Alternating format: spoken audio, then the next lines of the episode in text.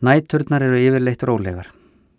Svo ókennilega uppákoma sem ég varð fyrir setnipartin í sumar hefur ekki endur tekið sig. Og hvað sem henni líður finn ég varla fyrir myrkvælni þó nú sé engi nálægur í hinnum hjólísunum og töluverður spölur upp að húsi skóarvarðarins. Eina nóttina undir dögun vakna ég samt við að hjólísið nötrar. Í svip minnist ég atveiksins óskýriða, held að nú sé framhald yfirvofandi og kólna upp sem snöggvast en átta mig svo allt í einu. Þetta er jarðskjálti. Ekki mjög snarpur en dugar til þess að hrista svona málmhylki.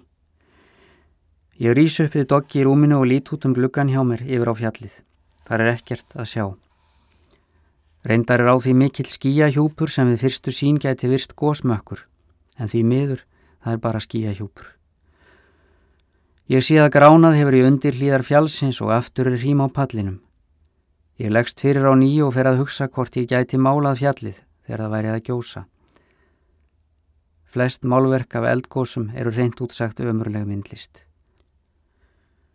Þó man ég eftir 200 ára gammalli mynd úr Íslands leiðangarinn okkur að englendinga. Hún var alveg sæmileg og gaf í skinn þann dularkraft sem þeitir glóandi eði upp úr jörðinni. Þegar ég sopna aftur dreymir mig ekki eldgós heldur lítið tært fjallavatn. Einkenlegast við þetta vatn er að á botni þess vaksa kartöflugrös, heilar breyður.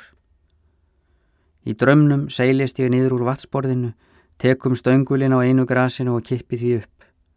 Ljós gullaugun fljóta upp í vatninu sem virðist vera kolsýrt líkt á ölkjelda því um leið koma miklar loftbólur. Botnileðjan gruggar ekki flötin. Um morgunin skrá ég þennan draum í svarta minnisbók sem ég hef við rúmið. Ég er vanur að gera þetta og hef gert lengi. Ég hef alltaf verið hugfangin af draumum, þó ég viti að venjulegu fólki leiðist þér og vil ég helst ekki heyra um þá. Eins og það óttist að sógast burt frá veruleikanum eða hugleiði drauma sína eða annara. Eftir vil mála ég þessa draum sín setna þegar ég er komin út úr aunsægistímabilinu sem ég er á núna. Kartöblur sem fljóta í tærum vatsfleti með dimgrænt stórgjert og framandlegt sefgaressi við bakka. Sefgaressi sem hvergi hefur vaksið nema í einum þreyttum mannshuga langt frá öllum öðrum. Framan á minnisbókinni stendur bara eitt orð skrifað, draumar. Þetta orð gæti líka átt við drauma mína um framtíðina en þeir hafa allir gufað upp. Ég býð bara átekta á þess að vona neitt.